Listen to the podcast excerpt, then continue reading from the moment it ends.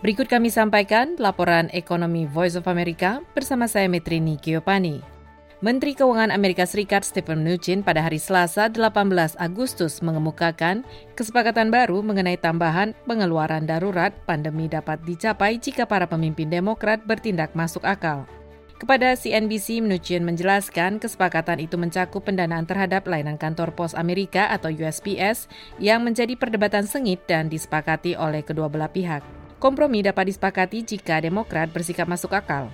Saya prihatin politisasi yang terkandung dalam semua ini, kata Mnuchin lebih lanjut sekaligus menyatakan terus berdiskusi dengan sejumlah legislator terkait pendanaan untuk membantu pebisnis dan pekerja yang menderita kerugian karena penutupan akibat COVID-19.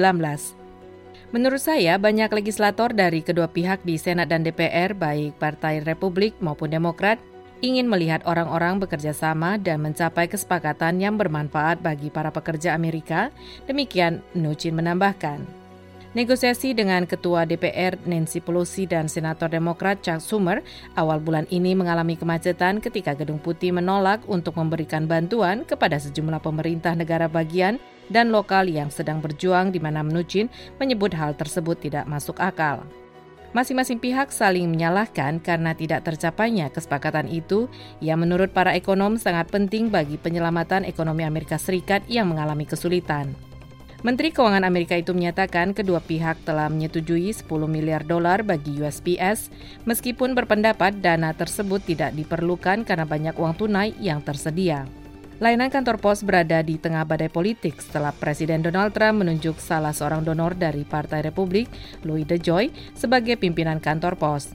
DeJoy memangkas biaya lembur dan merombak manajemen senior. Para kritikus menilai langkah-langkah itu bertujuan untuk memperlambat waktu pengiriman dan akan menghambat pemungutan suara dalam pemilihan presiden November mendatang.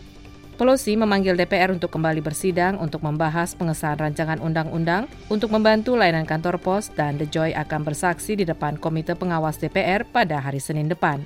Akan tetapi, Komite Keamanan Dalam Negeri Senat yang dipimpin Partai Republik mengumumkan Selasa 18 Agustus, The Joy akan terlebih dahulu bersaksi di muka komite tersebut pada hari Jumat. Mnuchin mengemukakan sangat penting bagi sejumlah UKM yang paling menderita agar mendapat paket bantuan baru itu.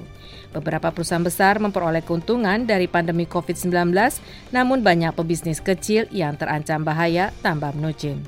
Metrini Giopani, Voice of America, Washington DC.